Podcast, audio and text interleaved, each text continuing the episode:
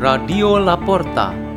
The door is open for you for the growing of knowledge and wisdom of God. Delivered by Vesti Maria Faustin and Jeffrey Baho from Catholic Religious High School, St. John Paul II Seminary, Labuan Bajo, Indonesia.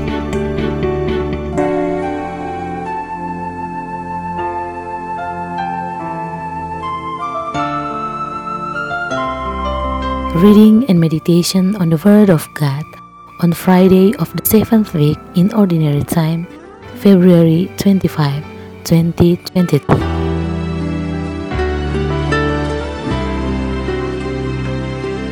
The reading is taken from the Holy Gospel according to Mark.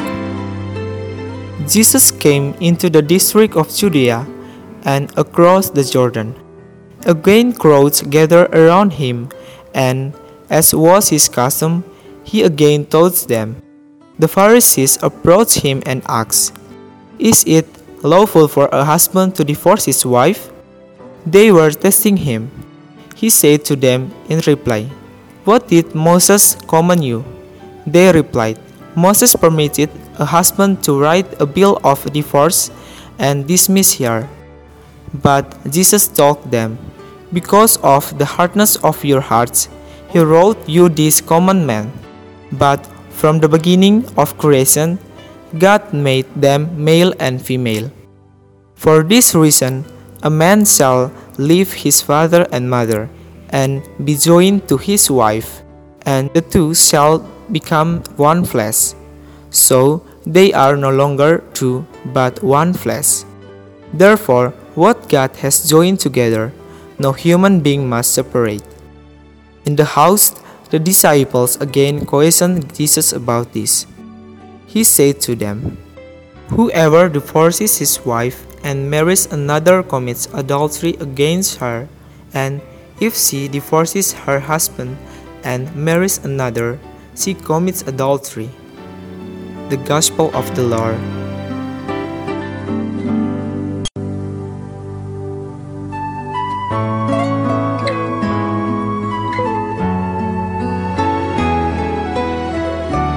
The theme for our meditation today is Loyalty Measure. There was a husband and his wife seemed to love each other and often seemed quite romantic. However, in reality, many people didn't know that this couple had certain personal problems that were quite disturbing.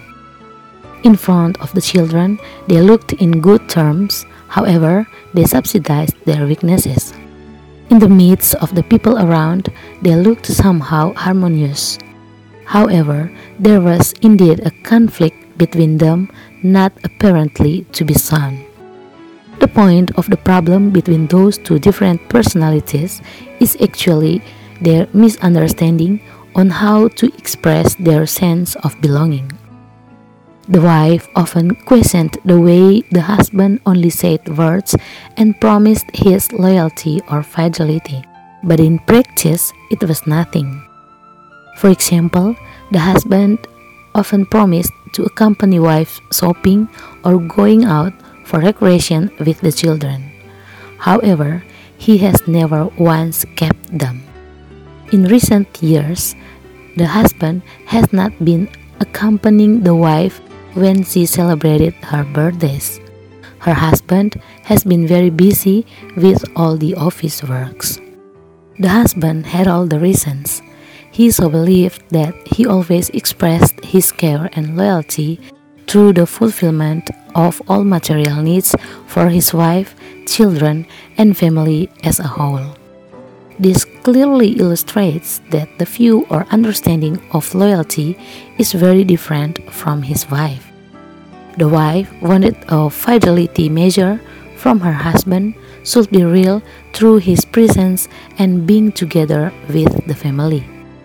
Meanwhile, the husband assumed that loyalty should be realized through the fulfillment of all material needs for the household. The important for the whole family is to eat, drink, wear, shop, and work which will make the family happy. What is actually the true measure of loyalty? In principle, loyalty is often perceived to be useful when it is measured qualitatively. For example, the use of adjective best, very good, quite good, quite encouraging, or less and not good. The satisfaction of the experience of loyalty is easy for us to accept in such expressions. His loyalty is very good, or his loyalty is very unpleasant. In short, with this qualitative statement of loyalty, we are held to judge that a person's loyalty at any given moment is good or bad.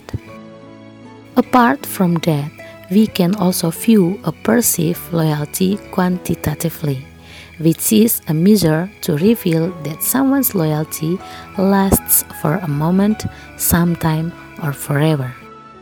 God had created the bond of love between a man and a woman. Then he decreed that their marriage should be sustained by fidelity with a quantitative measure that is forever. With this quantitative measure, good or bad loyalty will greatly influence the shape of a person's commitment to survive or not. Our scripture readings today really teach us about faithfulness that lasts forever.